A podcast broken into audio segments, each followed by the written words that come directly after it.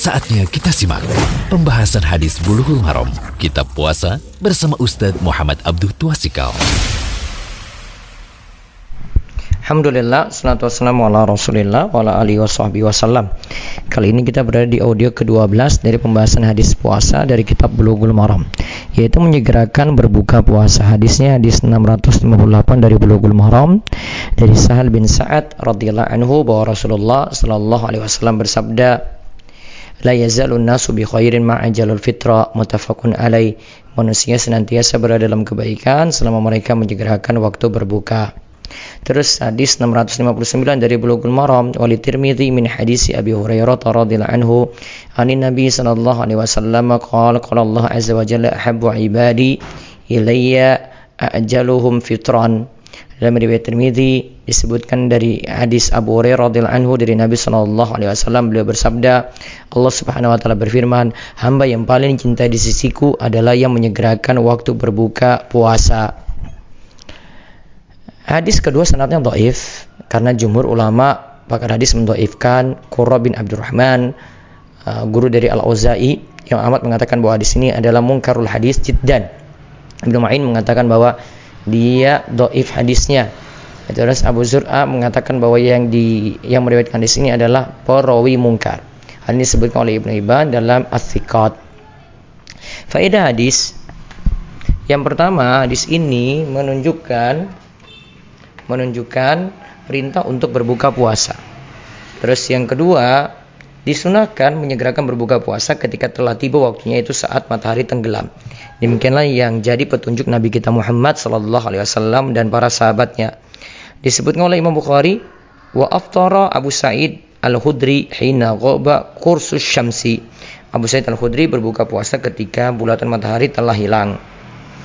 Dan juga disebutkan dalam Al-Fatah karena ashabu Muhammadin sallallahu alaihi wasallam asra an-nasi iftaran wa abta'ahum suhuran Sahabat Muhammad SAW adalah yang paling cepat dalam berbuka puasa dan paling lambat dalam makan sahur. Kemudian Syekh Abdullah Fauzan Hafizahullah berkata, yang ketiga, poin ketiga, faedah hadis.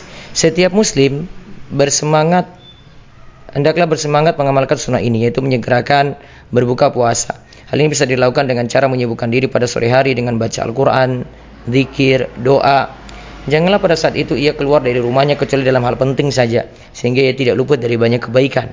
Jangan sampai ketika muazin menyuarakan azan sedangkan ia berada di jalan menuju rumahnya lalu luput darinya waktu berdoa saat berbuka dan luput pula sunnah menyegerakan berbuka.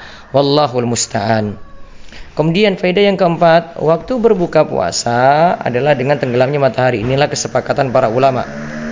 Kata Syekh Muhammad bin seorang tidak boleh berbuka puasa ketika satu mengetahui bahwa matahari belum tenggelam dua sangkaan kuatnya bahwa matahari belum tenggelam tiga masih dalam keadaan bimbang maka asalnya belum berbuka karena masih termasuk siang Terus yang kelima, faedah yang kelima, pahala orang yang menyegerakan waktu berbuka adalah datangnya kebaikan. Karena Nabi Shallallahu Alaihi Wasallam bersabda, manusia senantiasa berada dalam kebaikan. Terus faedah yang keenam, hadis yang kita kaji juga menunjukkan amalan itu bertingkat-tingkat. Berbuka puasa sendiri bisa mendapat ganjaran namun lebih utama lagi bila disegerakan. Terus yang ketujuh, mengakhirkan buka puasa akan mendapat kejelekan.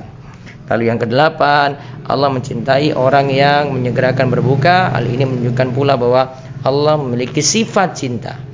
Terus yang kesembilan, berbuka puasa bisa dilakukan dengan melihat tenggelamnya matahari atau berita terpercaya dari orang yang melihatnya atau dengan mendengar azan yang tepat waktu. Maka ketika itu boleh menyegerakan waktu berbuka puasa. Semoga jadi ilmu yang manfaat dan kita bisa menjalankan sunnah ini. Allah yubarik fiqh. Demikian pembahasan hadis Bulughul Maram, kitab puasa bersama Ustadz Muhammad Abdul Tuasikal.